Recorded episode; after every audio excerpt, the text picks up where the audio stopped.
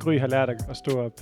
David han sidder lige nu og brainstormer over, hvad der er sket siden sidst. Ja. Fordi, nu er vi tilbage. Ekokammeret er tilbage helt officielt. Yes. Nu er sæson 3. Har Og du glædet har- dig til den her sæson, David? Jeg har glædet mig meget. Jeg synes, vi har været væk i lang tid. Det har været en lang og grå vinter. Øhm, der var nogle gode opslag lige i midten på vores øh, Facebook. Det var fedt. Men øh, nu synes jeg, at det er godt at komme i gang igen. Ja. Og jeg glæder mig. Og vi har en fed dag foran os med en masse podcasts. Ja, så vi det er rigtig godt. Designet det sådan, at vi skal optage tre podcasts i dag. Og det skal vi, fordi vi er taget til København. Mm-hmm. Øhm, ja, men jeg skal lige høre dig til. Du har jo stadigvæk en baby, men det er ved at blive en kæmpe baby. Ja, hun er ved at være et barn nu. Vi er lige i overgangsfasen. Ja. Så Gry, når du hører det her som 13-årig, og lige skal høre lidt om, hvordan din far... Så vil jeg gerne sige undskyld. Undskyld for Bare hvad? generelt. for hvad? det ved jeg ikke. Nej, øhm, jeg tror, du spørger mig, fordi at vi skal sige lidt om siden sidst. Og hjemme hos os, der fylder hun jo meget. Hun øh, er begyndt at kunne stå op selv. Mm. Ikke gå, men stå. Det er fedt. Mm. Ja, yeah. så skal hun til at starte i institution og sådan noget. Meget kedeligt forældreagtigt. Ja, hvad med dig, Frederik? Hvad sker der hjemme med jer i jeres øh, flotte lejlighed? Jamen, vi har lige fået et nyt spisebord, så det er dejligt.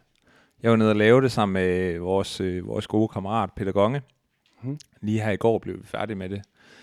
Peter Gonge 3, hvis der er nogen af jer, der skal have bygget et eller andet derhjemme, eller et eller andet, så, så giv, øh, giv Peter Gonge 3 et kald.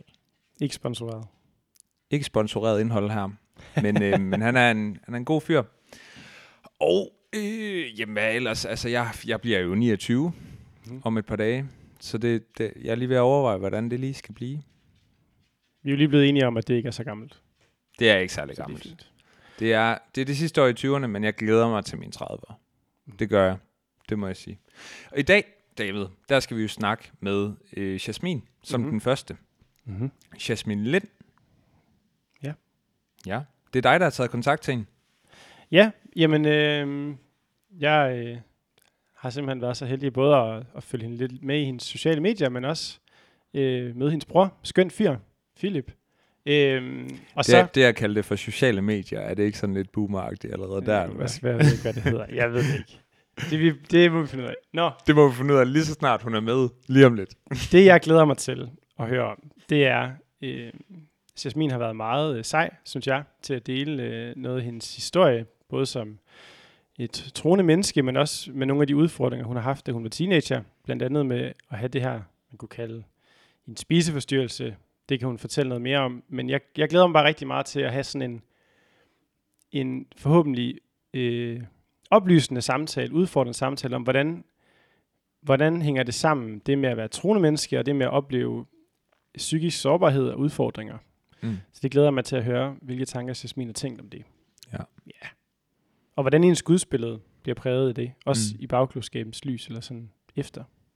Ja. Så Jasmin har også en, en masse følgere, og på den måde øh, rækker langt ud. Øh, så det kunne også være spændende lige at høre lidt til det. Altså, hvordan er, det er at være hende i det.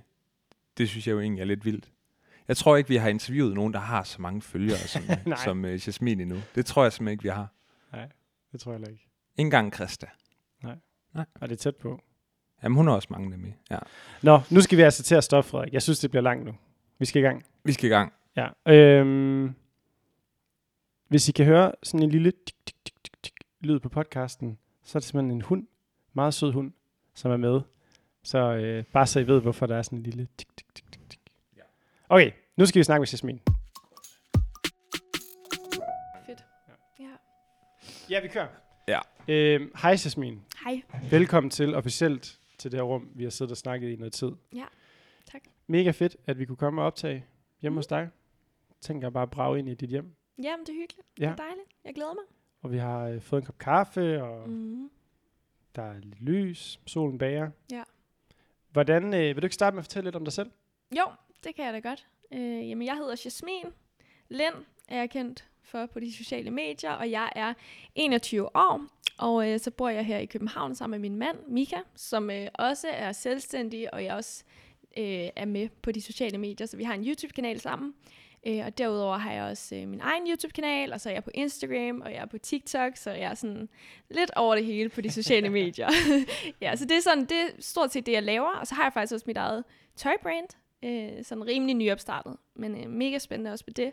Øh, ja, sådan det, det er overordnet set af mit liv, synes jeg. Mm-hmm. Fedt. Jasmin, vil du ikke, øh, vi har inviteret dig til at tale om, øh, om det her skæringsfelt mellem øh, det at være troende og det at have en psykisk udfordring. Mhm. Øh, I dit tilfælde, den oplevelse, du har haft med at have spiseforstyrrelse.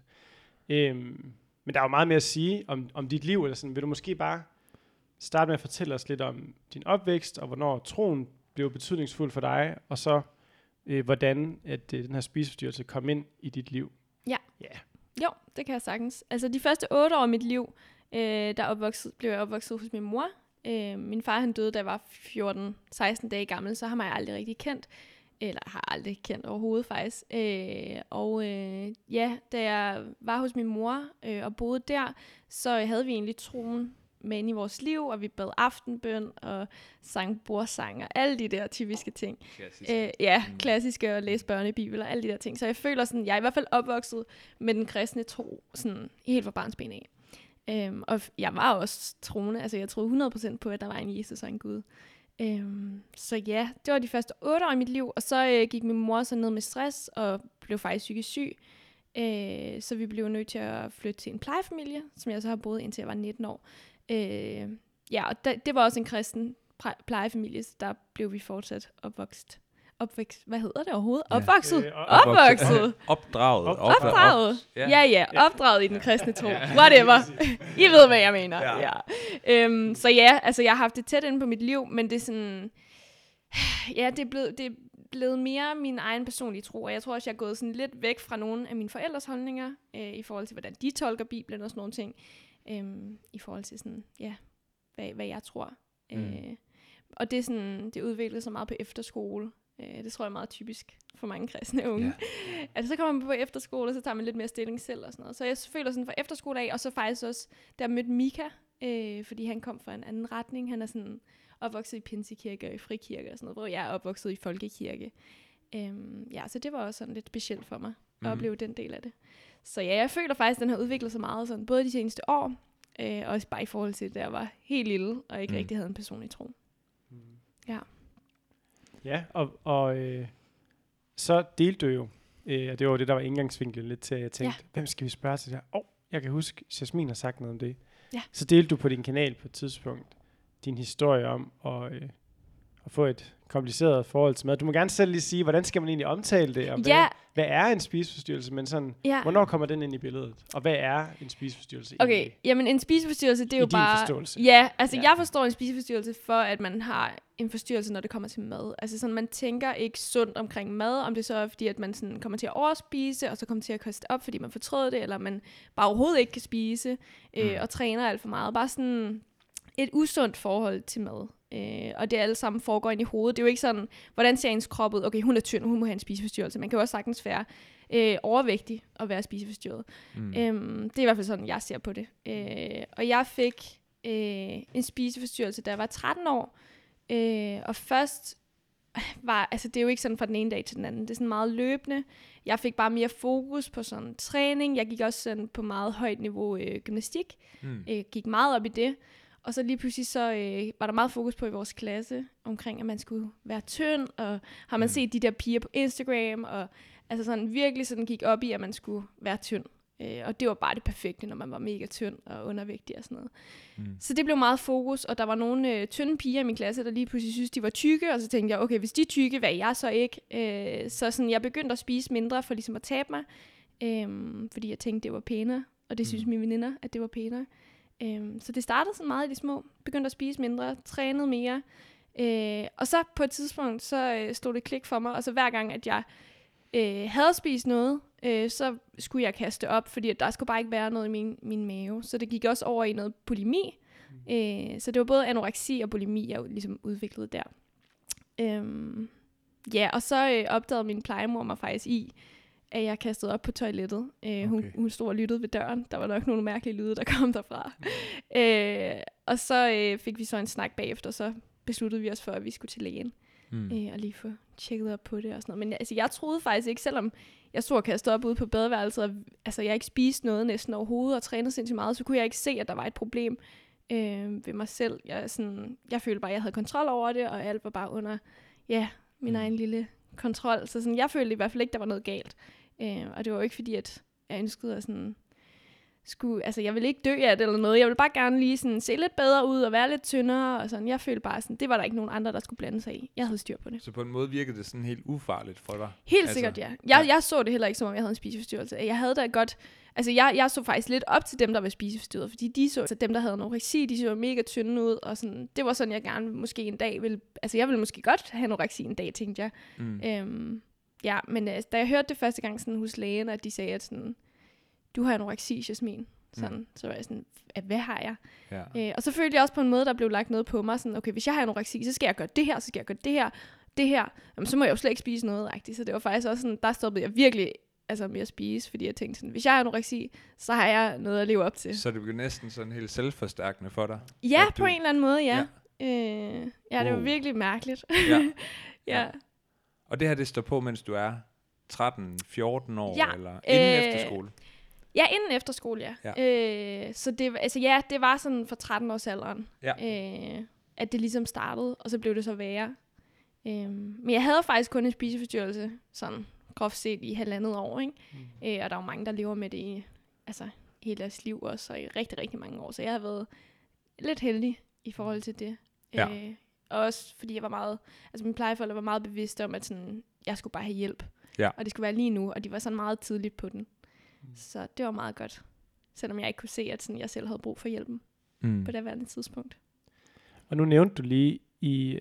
Altså nu kommer Frederik og jeg måske til at stille nogle, det vi kan kalde dumme spørgsmål. Nej, det er som godt. bare sådan nogle Kom måske nysgerrige spørgsmål. Men nu nævnte du i din fortælling om, hvordan det opstod, det her med, øh, at der var nogle tynde piger i din klasse, mm-hmm. som Mhm. blev et eller andet ideal.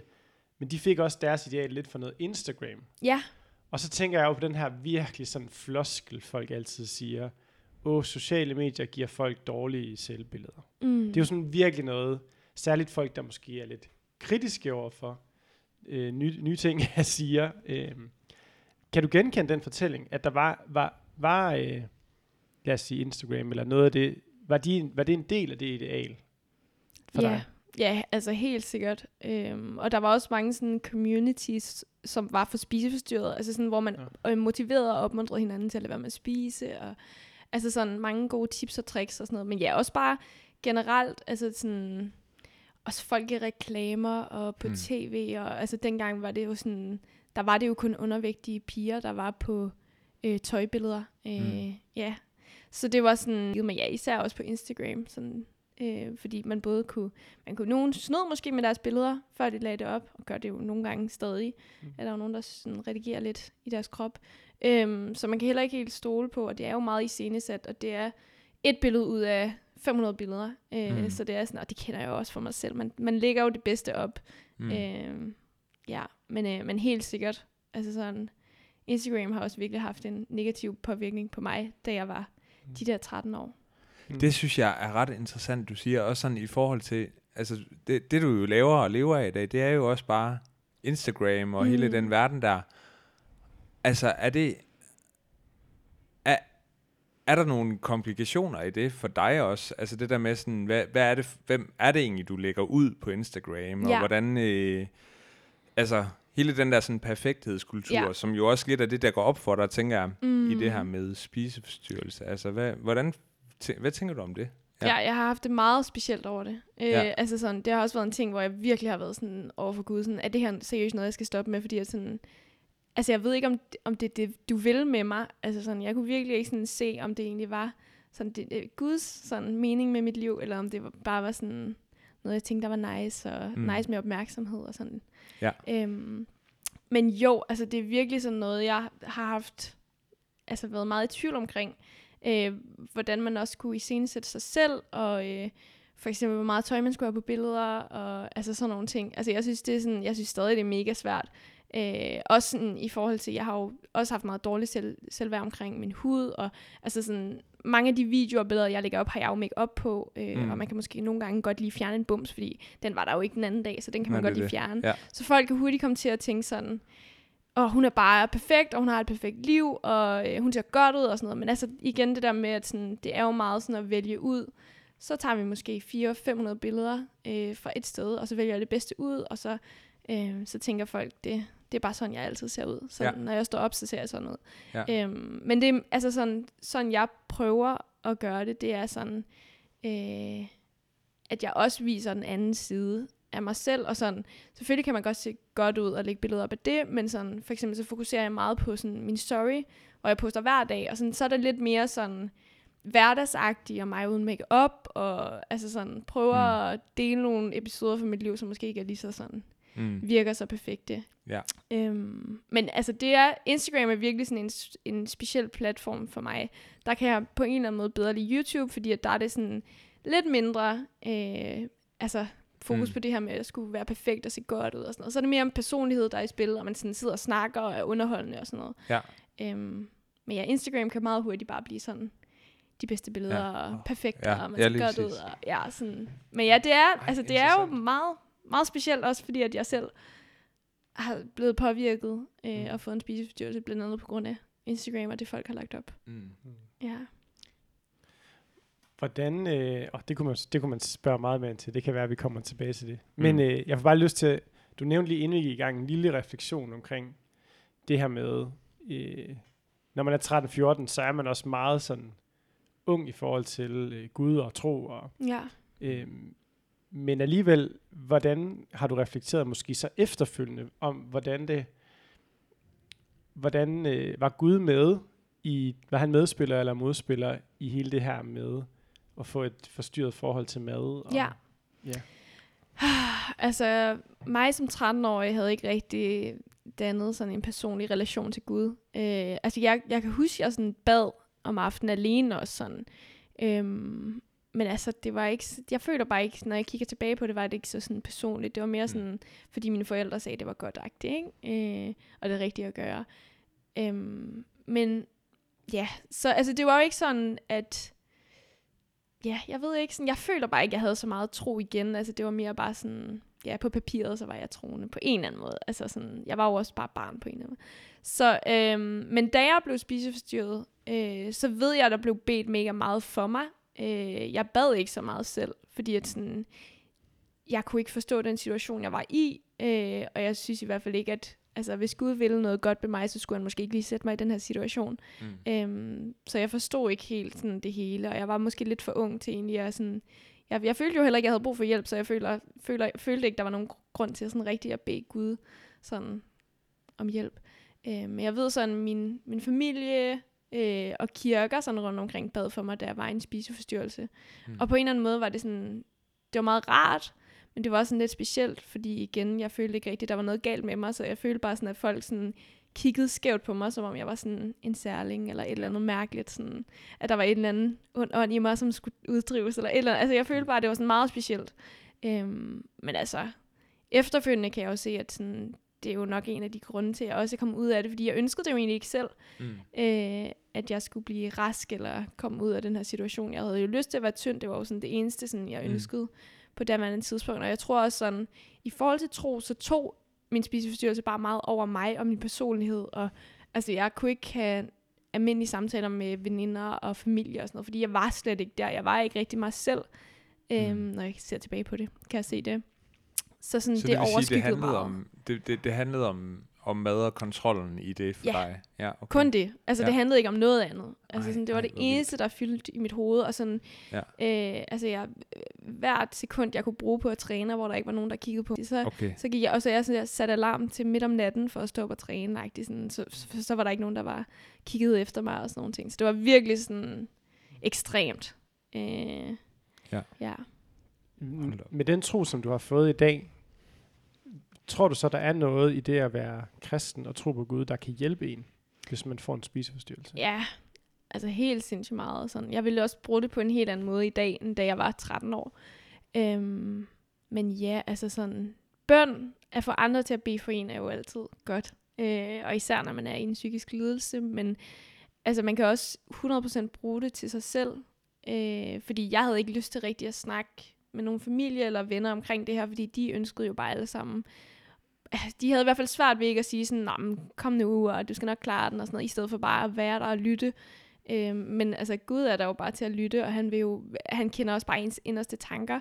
Mm. Øh, og jeg tror, der er mange, der har svært ved at sætte sig ind i en spiseforstyrrets tankegang, fordi mange tænker, jeg kan huske, min bror, han var også 15 år, og han forstod bare overhovedet ikke sådan, hvad filen der lige skete, og jeg havde meget sådan, mange venner, der bare var sådan, hvorfor spiser du ikke bare? Det er mega nemt.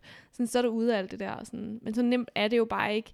Øh, og det kan nogle gange bare være svært for mennesker at forstå. Og så tror jeg bare, at i svære situationer, det med, at man bare kan ja, være sårbar og bare fortælle omkring det hele til Gud mm. og i bøn, sådan, det tror jeg vil have hjulpet mig og kan hjælpe rigtig mange øh, i dag. Og sådan en, der ikke rigtig dømmer, og en, der ikke rigtig sådan, ja, måske også sådan handler sådan fysisk på det. Fordi mm. at sådan, jeg kunne jo sige, til min familie, åh, oh, jeg har det sådan her, jeg har ikke lyst til at spise og sådan noget, men så, altså sådan, det har en konsekvens sådan.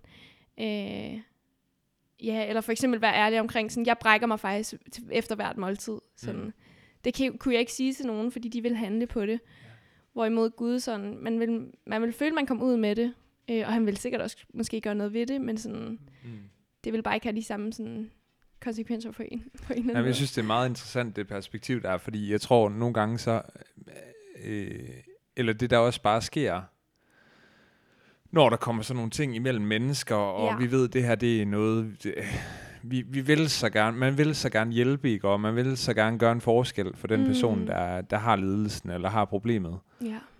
Øh, og i virkeligheden, der er det allerbedste, man kan gøre, det bare er at lytte. Ja. Altså, det kender jeg jo også bare i, i alle mulige andre situationer i livet. Altså, nu kommer jeg altså til at tænke på min, øh, min ægtefælle, og sådan, øh, mange, hvor mange gange, at vi i snakkene efter en eller anden lille konflikt snakker om, om prøv, altså det handlede nok i virkeligheden om, jeg bare lige havde brug for at blive lyttet på, ikke? Ja.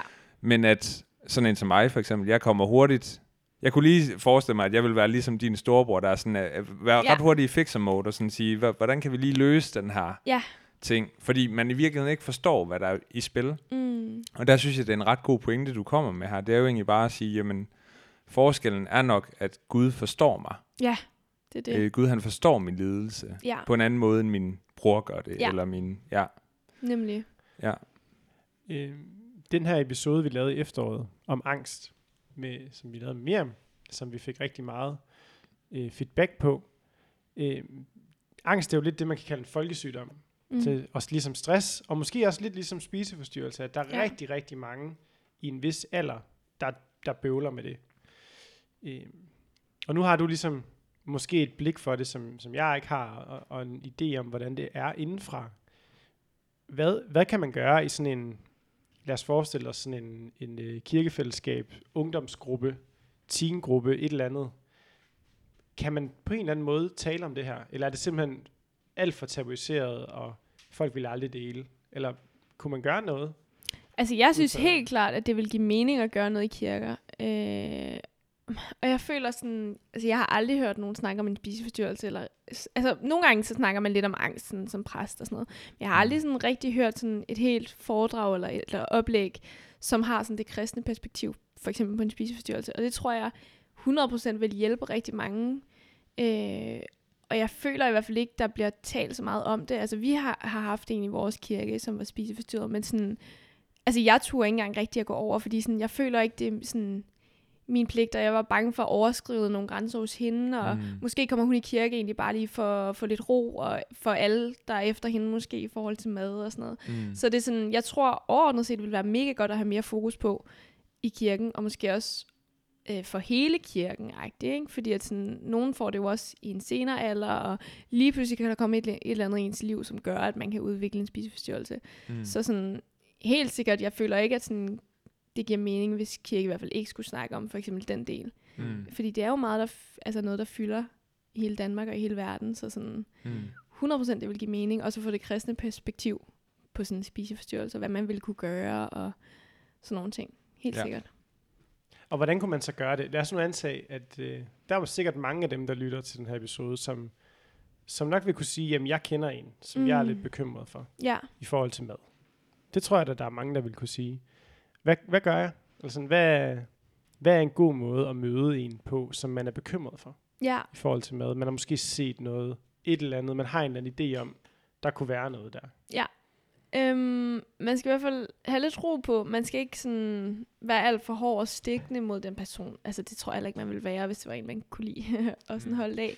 Øhm, men altså, også pas på, at man ikke sådan dømmer dem på forhånd og siger sådan, du har en spiseforstyrrelse eller et eller andet. Men bare sådan være der og være sådan, hov, jeg har faktisk lagt mærke til det her. Sådan, er det noget, du tænker over, at du gør, eller sådan, har du bare ikke så meget appetit, eller er det sådan psykisk, er du stresset, har du ikke lyst til at spise så meget, eller sådan, hvor, hvor kommer sådan, ja, hvorfor, hvorfor sker det her, ikke? Sådan, og så bare være rigtig lyttende og forstående, øh, og så bare spørge ind til det. Øh, men i nogle situationer tror jeg ikke, at den, altså hvis det havde været en spiseforstyrret, du lige havde lagt mærke til, så tror jeg faktisk ikke, at personen nødvendigvis vil være ærlig over for dig omkring sådan deres tanker og Øh, fordi at sådan, det er noget, der er rart at have for sig selv, fordi så ved man, at folk ikke kommer til at gøre noget ved det. Øh, Ja. Man vil gerne selv have kontrol, når der er i hvert fald ikke andre, der skal sådan, ja, hjælpe en på nogle måder, fordi man har selv styr på det. Mm. Øh, så altså sådan, jeg har sagt mange gange sådan, til mine følgere på socialt, at tage fat i personens forældre. Det kommer selvfølgelig an på, hvor gammel man lige er, om det er øh, en veninde, man har på 16 år, eller om det er en veninde, man har på 43 år. Der er selvfølgelig stor forskel. Mm. Øhm, eller en ven for den sags skyld. Så, men altså, i hvert fald sådan, hvis det var et barn, så ville jeg 100% have nogle forældre eller voksne ind over. Mm. Mm. Øhm, fordi det er ikke noget sådan, man kan tage direkte til den person og sige det til, føler jeg. Nej. Øhm, men hvis det var en ældre person, så, så tror jeg også, de har lidt mere sådan perspektiv, og måske godt kan se, at, det sådan, at man har et problem, og være lidt mere ærlig omkring det og sådan noget. Mm. Øhm, Hvordan, altså Jas, Jasmin, undskyld, jeg kalder dig Jasmin, jeg ved ikke hvorfor. det er bare jeg. øh, der, der har vel været, altså siden du så gik med til at gå til læge, Mm. var, der, var der så et tidspunkt, hvor det gik op for dig, at, at der var noget om snakken, eller var det bare sådan en, øh, det kan også være, når man, jeg kan ikke huske, hvordan det er at være 13 år, men, Ja. men det kan også godt være, at man bare tænker, Nå, men jeg må hellere bare gå med, der hvor øh, min plejemor eller min mor siger til mig, at jeg skal gå hen. Jeg ved ikke, om du selv havde sådan en, øh, kom der en, en øh, kalder man det ikke sygdomserkendelse? Mm. Det synes jeg, jeg har hørt om i Ja. andre, sådan, når vi snakker om psykiske lidelser, at så kan man have sådan en, øh, at Ja. alle andre kan ligesom se, at man er syg, men man kan ikke selv se det. Øh, Ja. Ja, det ved jeg ikke. Øh, jo, altså jeg tror kun sygdomserkendelsen kom efter, altså min spiseforstyrrelse, der var ude på den anden side igen. Okay. Øh, og faktisk gik jeg heller ikke selv med til at skulle til lægen. Nej. Øh, men jeg var under 18 år, så jeg, jeg skulle. Øh, så altså, sådan, det var ikke på noget tidspunkt sådan, mig, der søgte hjælp eller ønskede hjælp. Øh, men det var ligesom mine forældre, som syntes, at det var en god idé. Ja. Øh, forresten, jeg lavede faktisk også selvskade, og det var også en af grundene til, sådan, at de var sådan, så nu skal der ske noget, og nu er det sådan Okay. seriøst agtigt. Ja. Øh, Som blev opdaget? Eller Ja, det blev opdaget af min mor. Det var faktisk til konfirmationsforberedelse, kan jeg huske. Okay. Øh, ja, der var sådan forældre et eller andet, hvor jeg også var med, og så opdagede min mor det så, jeg havde altid lange trøjer på, fordi det sådan var oppe af armene. Øh, og så opdagede min mor det, og jeg var bare sådan, mor, du må ikke sige det til hende og Kalle, som min plejeforældre hedder. Øhm, og så var hun sådan, det, det kan jeg simpelthen ikke lade være med, det bliver jeg nødt til. Altså sådan, mm. Så hun sagde det, og så, ja, så gik de også videre med det, og sådan fik hjælp til det. Øhm, men ja, altså sygdomserkendelsen kom først efter, fordi sådan, jeg kunne ikke på noget tidspunkt se, at jeg ikke havde kontrol over det her. Mm. Jeg kunne ikke se, at sådan, det var en sygdom, jeg havde brug for at blive helbredt for, øhm, før efter. Mm. Mm. Øh, så det, det er virkelig specielt, at man kan være så sådan blind. Ja. Øh, men det tror jeg også bare, når det er en psykisk lidelse, sådan, så er det bare noget andet. Det er ikke sådan, jeg kan ikke se, at jeg har sådan et brækket ben eller et eller andet. Altså jeg kan ikke Mm. mm. se, der er sådan noget galt med mig. Nej. Øh, når det er sådan foregår op i mit hoved. Jeg føler også, det var en anden, der tog over. det er også virkelig fremmed for øh, mennesket. Altså, det Ja. tror jeg sådan helt generelt. Det er, nu har jeg ikke selv haft en, øh, det jeg har oplevet, det er så angst. Ja, Og det, altså det, det, det, det man, der går op for en, når man oplever noget, hvor man ikke kan kontrollere sin Ja. krop, det er virkelig vildt, de Mhm. første gange, man prøver det. ja, Altså det der med, altså brækker du ben, jamen så kan mm. du se det, ikke? Og så, Ja. så er det sådan der, men det der med, når der er noget andet, der ligesom, det føles som om, at det er noget andet, der tager over i din krop. ja. Øh, det er helt anderledes, på det en er anden virkelig måde. mærkeligt. Ja, ja, Sindssygt, ja. ja. Jasmin, vil du sige, øh, vil du beskrive det som om, at du havde et, et usundt selvbillede? Ja. Og, og opfølgende spørgsmål til det. Hvad gør du i dag for at få et sundt selvbillede? Eller sådan for, Ja. jeg ved ikke, om du tænker det som i at undgå at komme tilbage, mm. eller hvad du tænker, men sådan, hvad gør du i dag for øh, ikke at skulle have et usundt forhold til, til mad, eller måske bare et usundt selvbillede generelt? Ja. Oh, ja, altså, øh, jeg føler sådan, det at blive voksen har gjort meget for mig og mit eget selvbillede. Øhm, da jeg var yngre, så sådan, sammenlignede jeg meget med mine veninder og sociale medier og sådan noget. Jeg føler sådan, når jeg er blevet ældre og bare har lært mig selv lidt bedre at kende, at det også gået op for mig, at sådan, udseende bare ikke er alt. Øh, at sådan, det måske er meget vigtigere for mig sådan, at have nogle gode venner, som faktisk elsker mig for dem, jeg er, og sådan jeg ser ud, om jeg tog 10 kilo på, eller tabte mig 10 kilo mindre. Ikke? Altså sådan, sådan, ja, der bare er nogen for en, sådan, uanset hvordan man egentlig ser ud.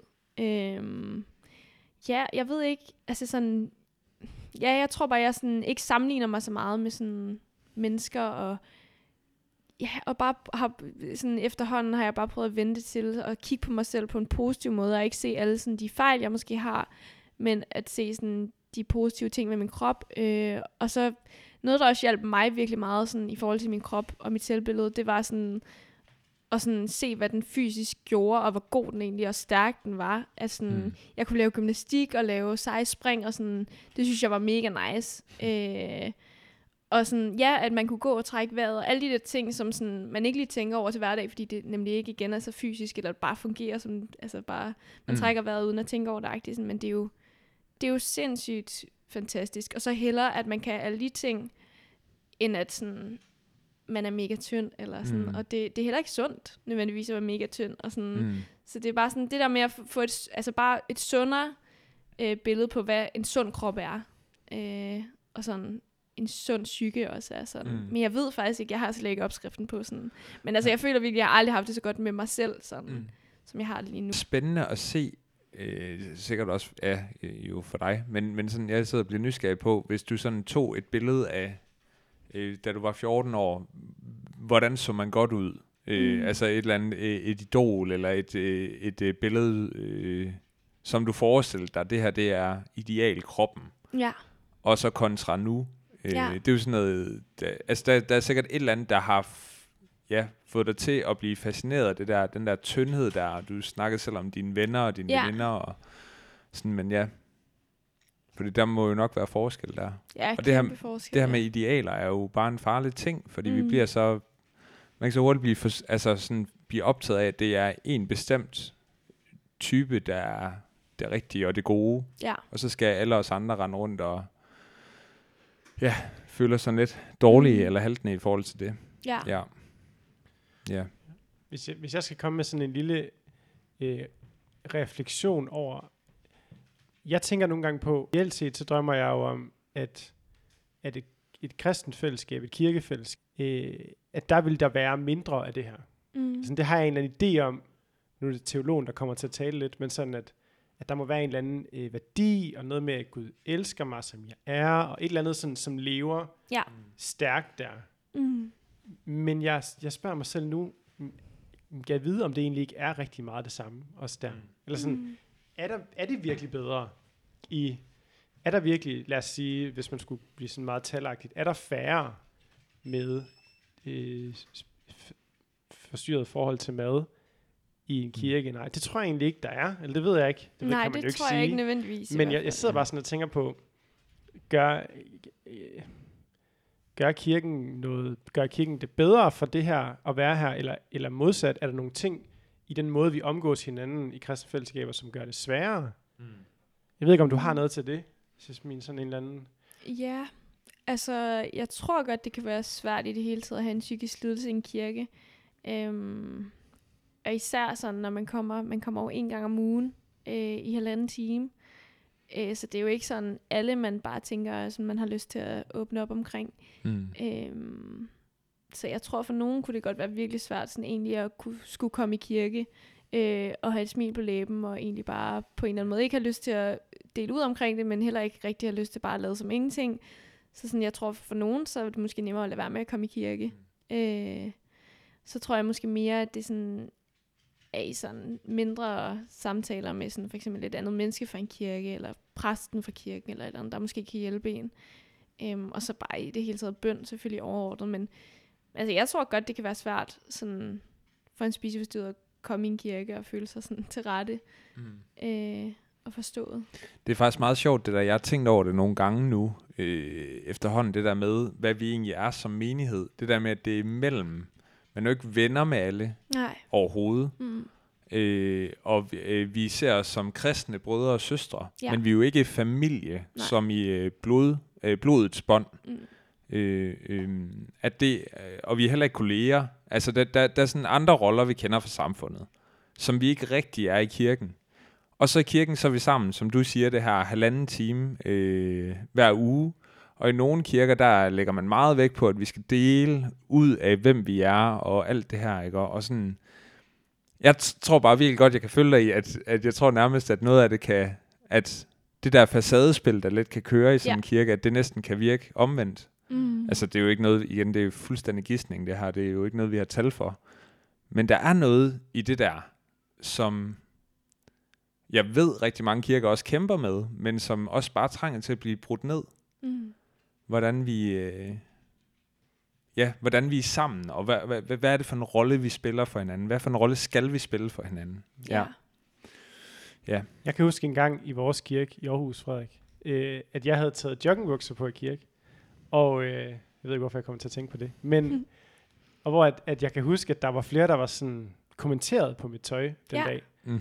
at sådan, folk havde et behov for, på en eller anden måde, fordi det ikke var okay, at jeg havde joggingbukser på. Eller sådan, at, Ej, hvor sjovt, ja. at Mm. jeg, havde, jeg følte sådan, at jeg skulle have haft pænere tøj på. Mm. Og det er jo en vildt mærkelig oplevelse at skulle have i en kirke. Ja. Fordi det lidt kommer til at signalere sådan, jamen her, der performer vi også for hinanden, eller her er vi også pænere end i virkeligheden. Eller sådan, for jeg gik bare meget i joggingbukser i den periode. Ja. ja. Sådan, men, ja. men der var et eller andet over det, at sådan, gav vide, om vi også dresser op, når vi tager i kirke, og, og måske man ikke skulle det, eller hvad? Altså. Helt sikkert, ja. Og jeg tror også, man sådan hurtigt bare kan sætte en facade på i forhold til at være glad, og når, man, når det er mennesker, man ser så sjældent, og på en eller anden måde også måske vil give et godt indtryk over for, altså om det er ens præst i kirken, eller et eller andet, eller man måske har en, en tjenestefunktion i kirken, eller et eller andet. Jeg har været på som mødevært, øh, så sådan, jeg skulle sige hej og velkommen til, og sådan noget. Og der, det bliver både sendt live, så man er sådan, okay, det er fint nok, der er også nogle andre, der er med, og sådan, så det er ikke bare sådan, ja, jeg ved ikke, jeg, jeg tager også lige make på de dage, jeg er mødevært, ja. ikke? Øh, og det vil jeg måske ikke gøre, hvis jeg bare kom i kirken. Så det er også sådan, nogle gange kan man også, ja, komme i kirke og måske, øh, ja, lige scenesætte sig selv på en eller anden måde, hvor Mm. det måske ikke er så frit, som man egentlig ønskede, det skulle være, fordi alle ligesom gør det. Øh, alle gør sig lige lidt pænere, eller alle har et smil på læben, så det vil være underligt at være ked af det at komme i kirke. Altså sådan, Mm. det, det er sjældent, at man ser nogen sådan være helt moody i kirken, eller sidde over i et hjørne for sig selv og sådan græde Altså sådan, Ja. det, ja, jeg føler bare sådan, det, det, nogle gange så er det bare sådan en lille glad boble at komme ind i en kirke, og så Mm. mm. sådan, det skal bare også være okay at være, egentlig være ked af det, eller kæmpe med en psykisk lidelse, eller en fysisk, og komme i Mm. kirke, og egentlig bare have en virkelig dårlig dag, og have virkelig dårlig hårdag, eller komme med joggingbukser. Det, sådan, det, Ja. det er også i orden at komme. Nu er jeg jo virkelig biased, fordi jeg kommer i sådan en rigtig klassisk folkekirke. Ja, Og noget af det, som en folkekirke kan, det er, der har jeg faktisk en oplevelse, at jeg sidder øh, side om side med folk, der, er- der er meget, meget forskellige steder i livet. Ja. Og som kan have det enormt svært, og, og tager det med ind i kirken, og sidder der på kirkebænken, og man skal lige finde ud af, når man er sådan som mig, om det er en, man går over og snakker med, eller om man lige holder sig væk. Ja. Det synes jeg bare, altså det er i hvert fald noget, jeg ser i den kirke, jeg kommer i nu, som er St. Pauls kirke i, i Aarhus, at der kan du sagtens møde nogen, som er virkelig, hvor det bare er tydeligt, hvor det skinner igennem på dem, at, at det, er, det, det er svært at være dem. Øh, der, der, jeg synes bare, der er noget i sådan en folkekirke, der egentlig sådan passer godt til Ja.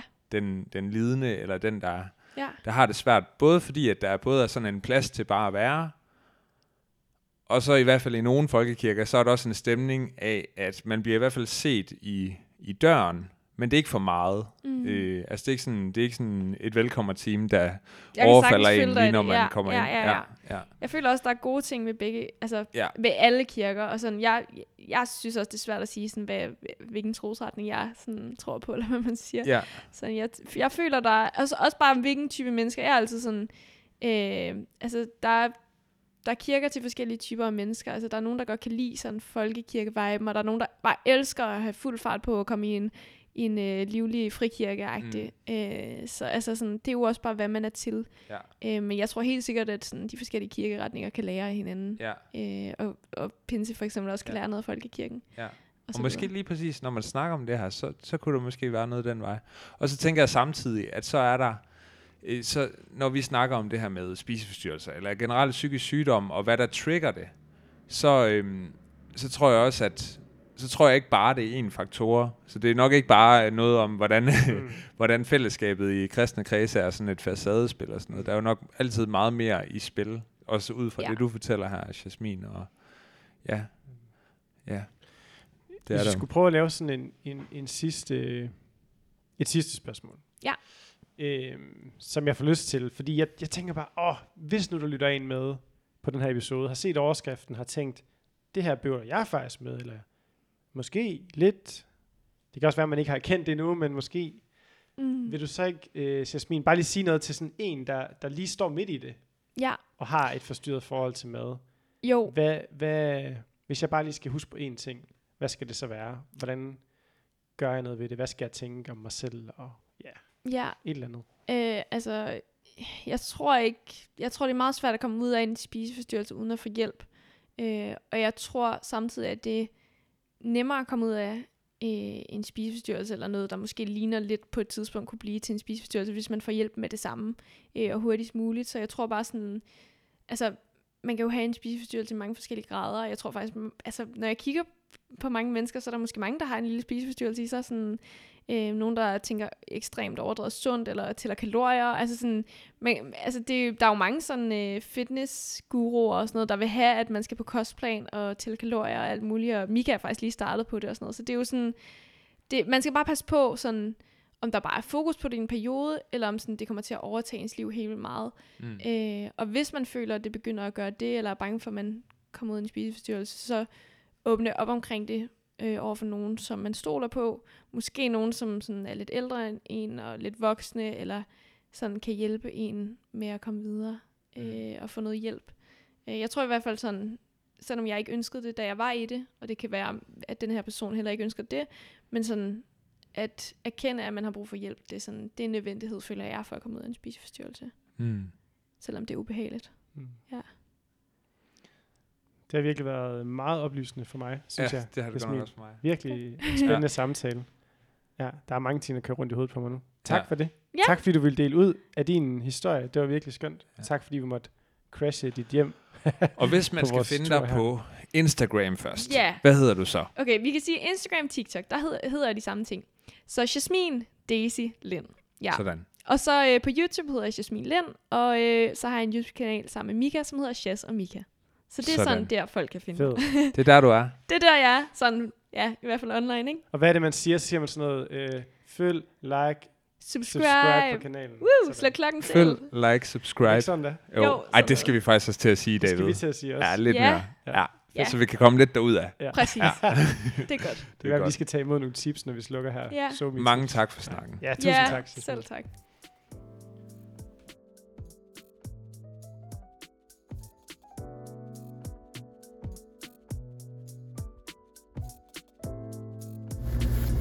Så er vi i bilen, Frederik.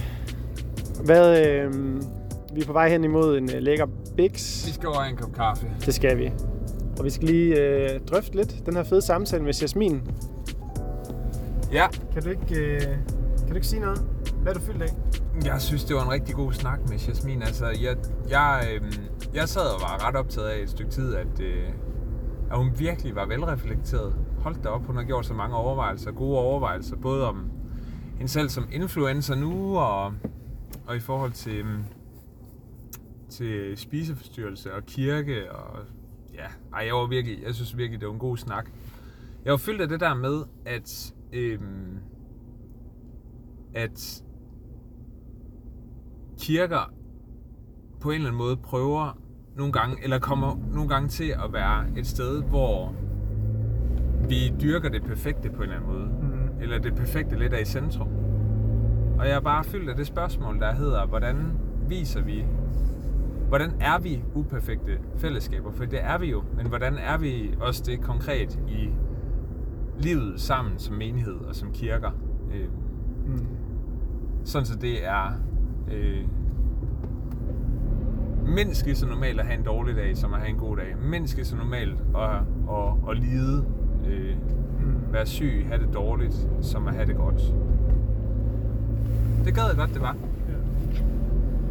Ja, hun sagde på et tidspunkt, Jasmin, i starten, at øh, hun havde aldrig hørt et, hun havde aldrig hørt et oplæg om et kristent syn på spiseforstyrrelse. Og så tænker jeg, og det fede var, at jeg tænkte, det skal vi have. Og så lige bagefter tænkte jeg, hvad skulle man sige? Ja, Og ja. det kan jeg mærke, den sidder jeg tilbage med sådan... Telefonen falder ned. Optager vi stadig? Nej, dude. Nå, ja, vi optager. Øh, den sidder jeg tilbage med.